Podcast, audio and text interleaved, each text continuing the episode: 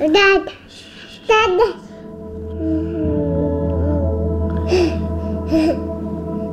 Je hoort Willem, een jaar oud.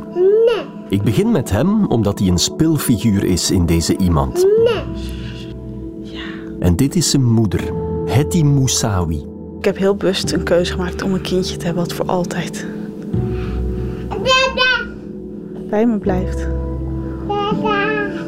Willem is er de hele tijd bij als ik met Hetty praat over bijvoorbeeld haar andere kinderen, Brahim en Rania. Ik ben nu gelukkig en mijn kinderen zijn nu gelukkig. En ik kan mijn dochter nu het juiste voorbeeld geven van hoe een relatie moet zijn. Tot ze kan zien dat je elkaar moet respecteren, moet waarderen. Ook mijn zoon trouwens. Dat je nooit een vrouw pijn of verdriet mag doen. Of over haar moeder. Maar mijn moeder was zo hypocriet als de pest, echt. Over haar grootmoeder. Mijn moeder, die was weer getuige van wat haar moeder heeft gedaan. En het is bizar van hoe één fout generatie op generatie op generatie door blijft gaan. Hetty, Brahim, Rania, Willem. Alle namen in deze iemand zijn verzonnen. Het is te delicaat allemaal. Misschien moet u even gaan zitten. Iemand. Iemand. Iemand. Iemand. Wil jij eens iemand zijn? Iemand. Iemand. Iemand. Iemand. Iemand. Iemand. Hetty, een te Hollandse vrouw. Iemand. Een iemand van Wart Bogaert. Hetty Moussaoui, Nederlands en Arabisch in één naam. Haar ouders zijn een jaar voor haar geboorte vanuit Egypte naar Nederland geëmigreerd. Mijn vader had altijd één doel. En dat was voor dus voor zijn familie zorgen. Hij is de oudste van tien kinderen. Zijn vader is jong gestorven en dus moet hij de kost verdienen voor het hele gezin. Maar Hetty's moeder heeft andere doelen. Hoger op te komen, denk ik. Ze kwam ook uit de Krottenwijken, uit een gezin wat echt gebroken was. Hetty wordt genoemd naar een gulle Nederlandse dame die de Moussawis onderdak biedt. In een Nederlands dorpje. Ja, 100% Nederlands. Het was echt 100% wit, wit. Mijn ouders werkten dus. En ik werd opgevoed door die mevrouw. Die ik mijn oma altijd heb genoemd. Dat is de meest bijzondere vrouw die ik... Ze heeft heel veel invloed op mij gehad. En ze heeft me opgevoed. Ik ben heel Nederlands, met Nederlandse cultuur opgevoed. Met, met Sinterklaas, met... met het kan niet Nederlandser. In het begin merkt Hetty helemaal niet dat haar roots haar leven zo zouden gaan bepalen. Mijn oma maakt altijd broodjes smeerworst voor me. Dan kwam mijn moeder naar binnen lopen. Maar dat mag jij niet eten, dat is varkensvlees. Vanuit het niets. En ik snapte dat echt niet.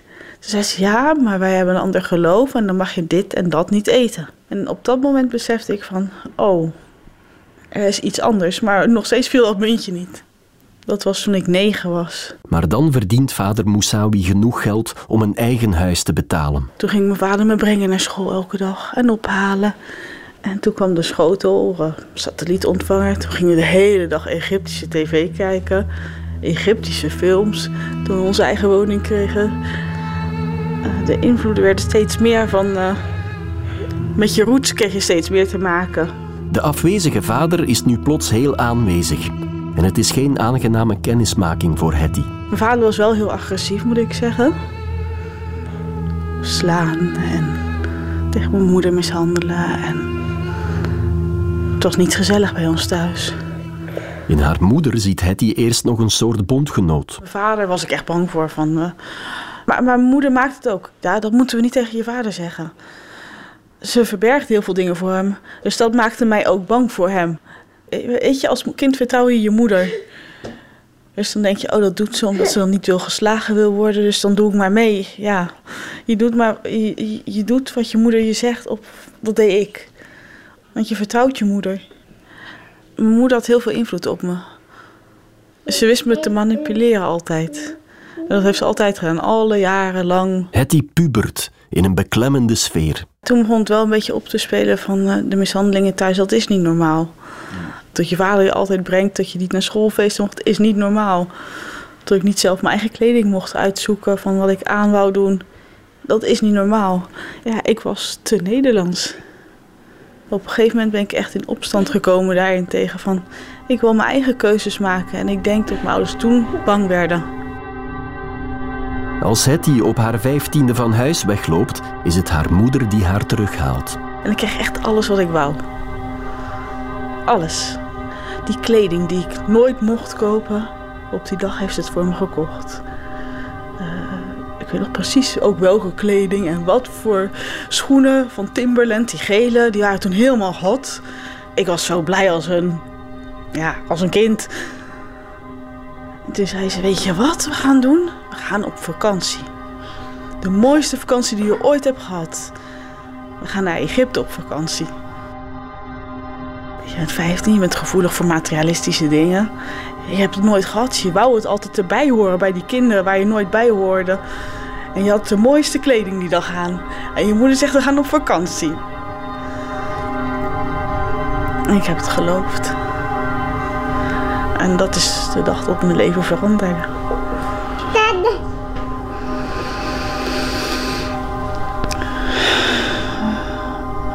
Ik zeg altijd van de zeven woorden die ze zei waren de acht gelogen. Alles wat uit de mond kwam was één groot leugen. En waarom ze dat deed, dat snapt niemand. Hetty, 15 jaar, vertrekt met haar nieuwe Timberlands op droomreis naar Egypte. Ze logeert samen met haar moeder bij haar grootouders in Caïro. Ze worden er hartelijk ontvangen en Hetty geniet van de tijd samen met haar moeder, zonder de tyrannieke vader. Wat ze niet beseft, is dat haar moeder een plan heeft. En derg zei ze, kom ik laat je wat zien. Toen zijn we naar een eh, school gegaan. Een internationale school, een zwembad, tennisbanen. Ja, te mooi gewoon. Als ik het nu mijn ogen dicht doe, zie ik het nog voor me. Die Amerikaanse uniform. Het was echt, het was echt te mooi voor woorden. Het was heel bizar. Ik, die school was mooi. En ze heeft mezelf laten zeggen dat ik het mooi vond. Dat ik het echt een keileuke school vond. En dat ik ook hier wel wel op wou gaan. Zei ze, maar dan doen we dat toch? De reis naar Egypte is geen reis. Het is een valstrik van Hetty's moeder om haar zo ver mogelijk weg te houden van Europese invloeden. En voor ze het goed en wel beseft, stemt Hetty in. Als ik er nu aan terugdenk, denk ik van... Hoe hebben we dat ooit voor elkaar gekregen? De dag erna keert Hetty's moeder alleen terug naar Nederland, met Hetty's paspoort. En toen was ik alleen. Mijn vader verdween op dat moment trouwens uit mijn beeld. Ik denk dat mijn moeder tegen hem heeft gezegd... dat het mijn eigen keuze is geweest om daar te blijven. En tot hij het er niet mee eens was. En mijn paspoort was weg. Ik werd echt afgesloten van de wereld. En dan probeer je het beste van te maken, maar ik sprak geen Engels. Ik sprak geen Arabisch. Ik snapte niks van die cultuur. En ik kreeg ook steeds te horen, oh, dat is dat meisje uit Europa. Die is zo vrij en die doet alles. En, en ik was, als er iets gebeurde, was ik de boosdoener. Dat zou dat meisje uit Europa wel hebben verzonnen. In het huis van haar grootouders woont ook nog een jonge oom van Hetty. Ik had echt best wel een goede band met hem. Hij was nog jong, hij snapte me wel. En ik weet nog dat de film Titanic. En het was een nachtfilm. En ik weet nog dat ik in een bioscoop zat, vol met mannen. Alleen maar mannen. En Titanic is voor een Arabische wereld best wel, ja, er zitten best wel scènes in waarvan je denkt, eh, steamy. en ik voelde ook handen in me. Mensen die me hier aanraakten, eh, in mijn nek. eh, ik werd toch aangeraakt wat ik niet prettig vond. En ik zei tegen mijn oom, maar die deed er niks tegen. Dus toen gingen we naar huis. En ik had niet door dat hij helemaal onder de drugs, dat hij drugs gebruikte. En ehm, hij heeft me toen seksueel misbruikt. Daar wil ik niet eh, details van vertellen. Dat het ergste was dat niemand mij geloofde. Ik was weer dat westerse meisje uit Europa. Ik was 15, ik was bang. Ik weet niet hoe ik het heb overleefd. Ik denk ook gewoon. Ik heb het een keer aan een vriendin die zegt: Hoe heb je dat ooit gedaan? Ik zeg: Ik, ik kan heel makkelijk knopjes uitzetten. En dat kan ik nu nog steeds. Gewoon knopjes uitzetten in mijn hoofd. En dan doe ik dingen gewoon. Eén tante, een zus van haar vader, gelooft haar wel. En die maakt zich meteen grote zorgen, maar niet waarover je zou verwachten. Want ze wist als ik met een Egyptenaar zou trouwen, die zou nooit accepteren dat ik geen maagd was. Toen zijn we midden in de nacht naar een praktijk gegaan. Heb ik een maagdvlieshersteloperatie gehad. Ik moest weer maagd worden voordat ik ging trouwen. Wat ze dan doen, dat klinkt heel eng, maar ze maken alles potdicht beneden. En als je dan trouwt, de man waarmee je trouwt, die denkt dan, het is allemaal dicht. Hetty gaat verder met haar leven en doet wat ze goed kan. Gewoon knopjes uitzetten in mijn hoofd. En dan doe ik dingen gewoon. Ze gaat weg van de internationale school, verhuist naar de familie van haar vader en bluft zich binnen bij een Nederlands bedrijf in Cairo. Een goed betaalde job naar Egyptische normen. En toen werd mijn moeder, denk ik, weer bang voor de westerse wereld. Waar ze bang was voor in Nederland, dat ik de westers zou worden. Waar ze me weg had geplukt, gebeurde in Egypte. Hetty's moeder komt haar dochter opzoeken in Egypte.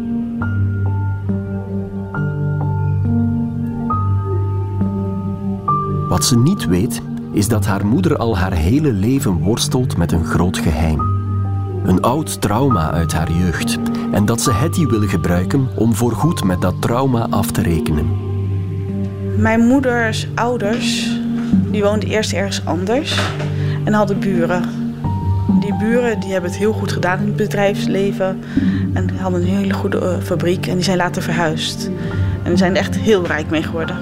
Je hebt rijk en je hebt stinkend rijk. Eh, mijn oma, mijn moeder, moeder, die is eh, op een dag op bezoek gegaan bij haar oudburen en heeft het goud en diamanten meegenomen, gestolen. Mijn moeder is daar getuige van geweest, maar ze hebben haar nooit, mijn oma, daarop kunnen pakken. Het is iets wat Hetty's moeder nooit heeft kunnen loslaten. En nu ze merkt dat haar dochter weer de westerse tour opgaat, haar grootste vrees, bedenkt ze een plan om twee vliegen in één klap te slaan. Dus is ze weer in contact gekomen met die familie. Die ondertussen echt een van de rijkste families van Egypte zijn geworden. Maar die wisten niet wat mijn moeder wist. Ze wisten wel dat het geld, goud was gestolen van hun moeder, maar ze wisten niet het complete verhaal. We gingen op bezoek bij die mensen. Ik vertelde over mijn baan en eh, ik had het perfecte leven. Ik had een geweldige baan. Ik zag altijd keurig uit. Ik had de beste kleding wat je maar kon krijgen. Eh, toen zag een van zeg maar, haar oude buurjongens zag mij. Die is 39 jaar ouder. En hij was nog nooit getrouwd geweest. Nog nooit. eh. Hij had dus interesse in me. Ik was jong. Ik eh, had een succesvolle baan. Ik was de perfect picture voor de ideale moeder van zijn kinderen. En al snel kwam het aan de, het verhaal van... eh, ja, hij wil met je trouwen. Ik denk, wat moet zo'n oude vent van me? Maar opnieuw slaagt haar moeder erin Hetty te overtuigen. Ze trouwt met Ahmed, een 39 jaar oudere man. Ze heeft me gewoon gedreven in de armen van de verkeerde man. Maar voor haar was dat wel de juiste man. Trouwen, weg. En zij af van de verantwoordelijkheid voor mij en zij van de schuld af. Eh, soms ga je je eigen leugen geloven. Of je gaat geloven dan, oh nu word ik gelukkig. Nu krijg ik een eigen huis, een eigen gezin. eh, weg van de familie, weg van mijn moeder vooral en een eigen leven creëren. Ik geloofde die leugen. En op de huwelijksnacht, dat was de eerste keer dat hij me in elkaar sloeg.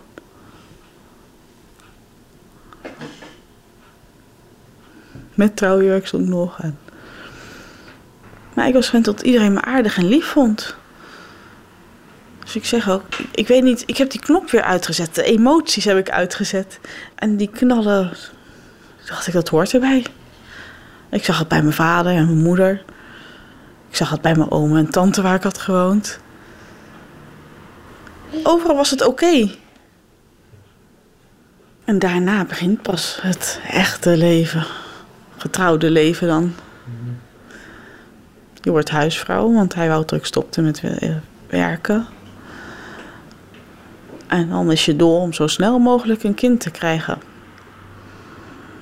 De eerste, het was al na een maand dat ze vroegen: En ben je al zwanger? Voordat ze vroegen hoe het met je ging, was al de vraag: Ben je al zwanger? En na drie maanden was ik zwanger van mijn zoon. Wat was ik blij. ik dacht, dat is de sleutel voor alles. Ik krijg een kind. Hij gaat me gelukkig maken. En dat ging ook goed. Ik geloofde in die droom. Ik geloofde van. Nu komt alles goed. En als Brahim, haar zoon, drie maanden is, is Hetty weer zwanger. Uh, van mijn dochter. Rania. Ik wou haar gelukkig zien en zelf vrije keuzes kunnen maken en vrijheid. En alles wat mij niet was gegund, gunde ik haar wel. Maar het blijft helaas niet bij die ene afranseling tijdens de huwelijksnacht. En elke keer als hij onder invloed was van de drugs, zag ik echt alle hoeken van de kamer. Maar op die andere momenten, als het weer goed was, kreeg ik weer heel veel geld. Wat mijn moeder ook deed.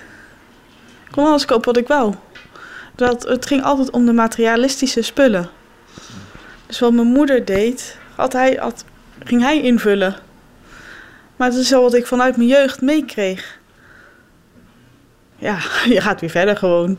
En je krijgt alles wat je wilt. Ehm, en die emoties die ik uit kon zetten. Ik kon het zo goed mijn emoties uitzetten. En gewoon doorgaan. Dan was ik die avond ervoor helemaal bont en blauw geslagen. De volgende dag was ik weer poesaardig tegen hem. En ging ik gewoon weer verder waar ik was. En toen was ik opnieuw zwanger.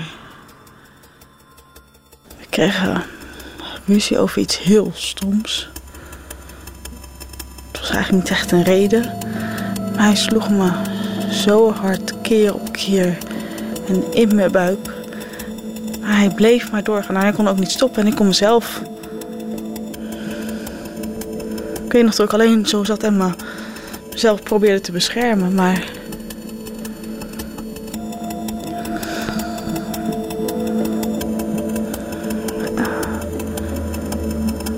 Hij bleef maar doorgaan. Toen kwamen de bloedingen. Ik denk dat hij ook in paniek raakte. En toen zijn we naar het ziekenhuis gegaan, maar toen was helaas. Uh,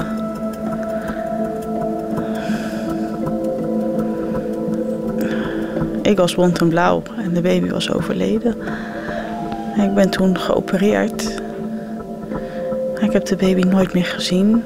Ik weet niet of het een jongen of meisje is. Ik weet niet waar het is begraven. Het ergste was dat zijn zus zei: Jullie hebben abortus gepleegd. En het is jouw schuld.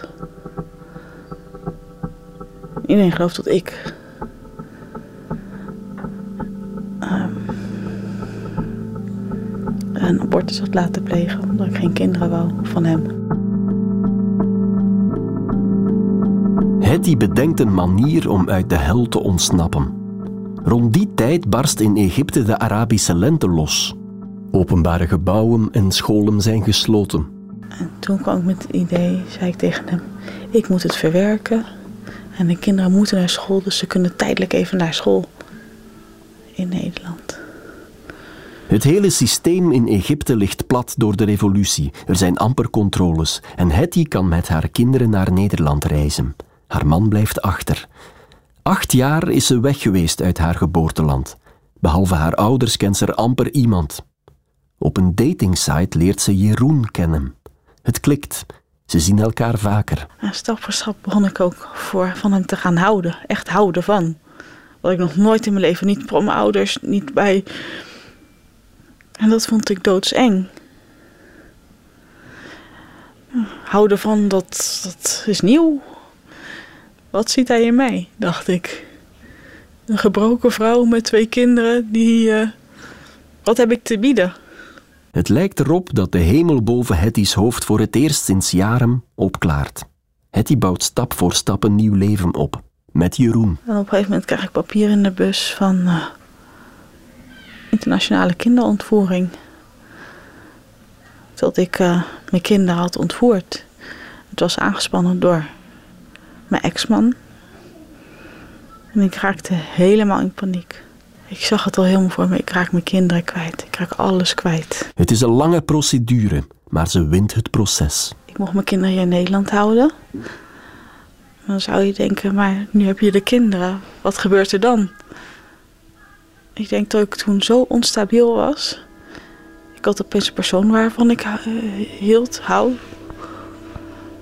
Ik had een rechtszaak gewonnen. Wat kan er misgaan?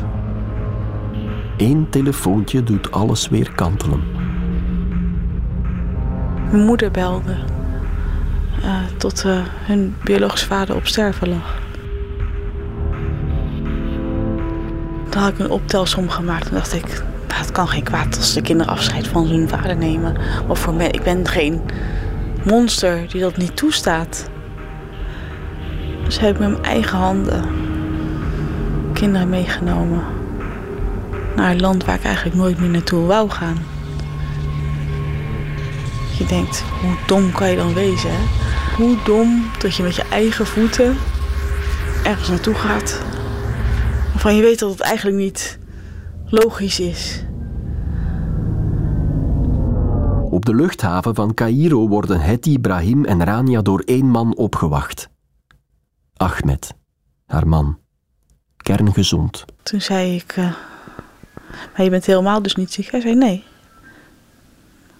Iedereen, net zoals jij alles voor je kinderen over hebt, heb ik ook alles voor mijn kinderen over. Ahmed pikt de paspoorten van de kinderen in. Ik was mijn kinderen dus kwijt voor de tweede keer en het was mijn eigen stomme rotschuld.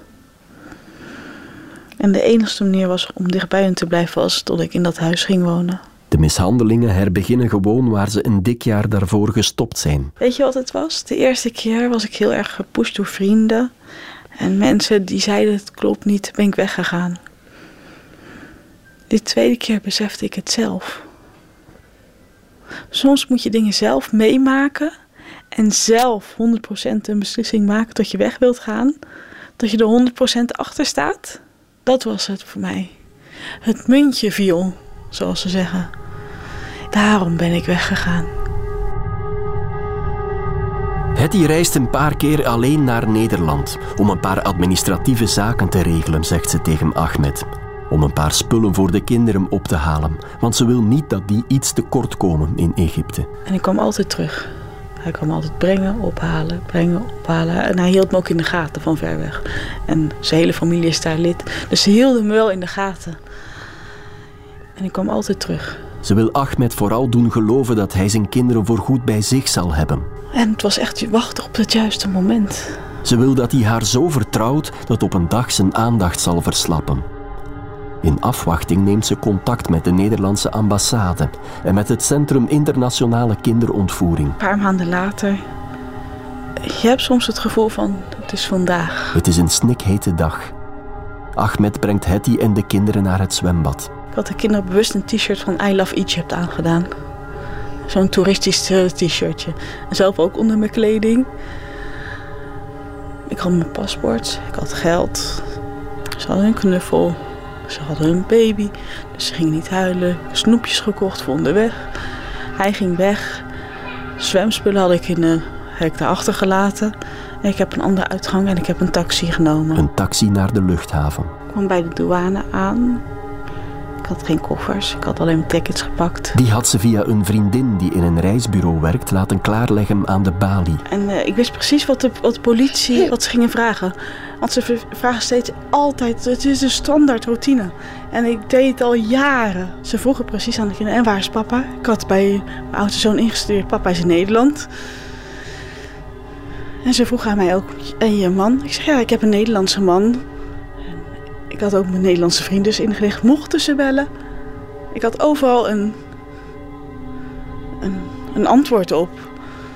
Uh, ze vroegen of ze het leuk hadden op vakantie in Egypte. En mijn zoontje allemaal, ja, het was leuk. En we zijn wezen zwemmen. En hij speelde het spelletje. Ik denk dat hij me ook heel haar, haar fijn aanvoelde. Wat er van hem verwacht werd. Ik was de douane langs. Ja. In het vliegtuig aangekomen, dat was echt de laatste stap. Toen ik de motors aan hoorde gaan, heb ik zijn zus gebeld en gezegd: En nu ga ik definitief weg. Het is nu echt klaar. Want de mishandelingen, de leugens. Ik kan het niet aan. Ik ga mijn kinderen er niet mee opvoeden. Ze zeggen, waar ben je nu? Ik zeg, ik zit nu in het vliegtuig en we stijgen nu op. Jullie kunnen me niet meer stoppen of niemand kan me meer tegenhouden. Ik belde nog één keer moeder toen ik in Zwitserland was, want ik had een transit via Zwitserland. Toen zei ze, het is ook tussen ons nu klaar. Want ik ga je niet helpen. Met niks niet. Terug in Nederland moet Hetty aan Jeroen beloven dat ze hem nu nooit meer zal achterlaten. En ik moest mijn vriend weer voor me winnen. Het is gelukt, zoals je ziet. Want ik, ik hou echt van... Uh, hij had me laten zien wat houden van is. En wat partners zijn. Hoe je elkaar moet steunen en hoe je er voor elkaar moet zijn. En toen was ook de keuze heel snel gemaakt. Ik wil ook een kindje wat in de toekomst ook nooit weg zal gaan bij mij. Want er blijft altijd in mijn achterhoofd zitten van... Dat is hem, hè? Ja.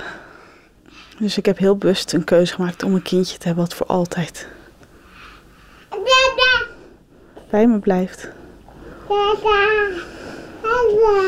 Met Jeroen, Brahim, Rania en de kleine Willem woont Hetty nu in een klein appartementje. Niet zo ver van waar haar moeder nog altijd woont. Maar die heeft ze al drie jaar niet meer gezien. En dat doet ook wel pijn. En verdriet. Maar soms zijn dingen beter zo. En het is bizar van hoe één fout generatie op generatie op generatie door blijft gaan. En ik hoop dat ik hiermee door mijn verhaal dat heb verbroken. Door die ene fout nu stop te zetten. Want de nasleur blijft tot mijn dochter blijft al doorgaan. Maar zij heeft nu de kans om een nieuwe start te maken hier in Nederland. Nieuwe start wat ik niet heb meegekregen. Tot ze kan zien dat je elkaar moet respecteren, moet waarderen. De normen en waarden van elke, elke relatie. Dat is wat ik haar mee kan geven. Ook mijn zoon trouwens. Dat je nooit een vrouw pijn of verdriet mag doen. Dat is wat ik ze mee kan geven. Kan ze geen bergen met goud beloven wat hun vader wel kon. Maar kan ze wel normen en waarden meegeven. Als je meer wil weten over het Centrum Internationale Kinderontvoering, luister dan ook naar een interview dat ik heb opgenomen met Jos Koentjeurus, de directeur van het centrum. Je vindt het op dezelfde plek als waar je deze iemand hebt gevonden. Dit was Iemand, een productie voor Radio 1 van Filip Heijmans en mezelf, Wart Bogaert. En volgende week hebben we iemand anders. Ik las over een, een, man die zei dat hij op jonge jongens viel. En toen ik het las, dacht ik, ja, precies. Dat is wat ik voel, dat is wat ik ben. Uh, ik doe niet aan seks met uh, kinderen. En het gros van pedofielen doet niet aan seks met kinderen. De een is hetero, de ander is homo. En er zijn een paar unlucky bastards die dan de pedofielenprijs winnen. Intussen vind je ons op radio1.be of op de Twitter- of Facebookpagina van Radio 1. Ken of ben je zelf iemand met een sterk verhaal? Laat het ons dan weten op iemand.radio1.be.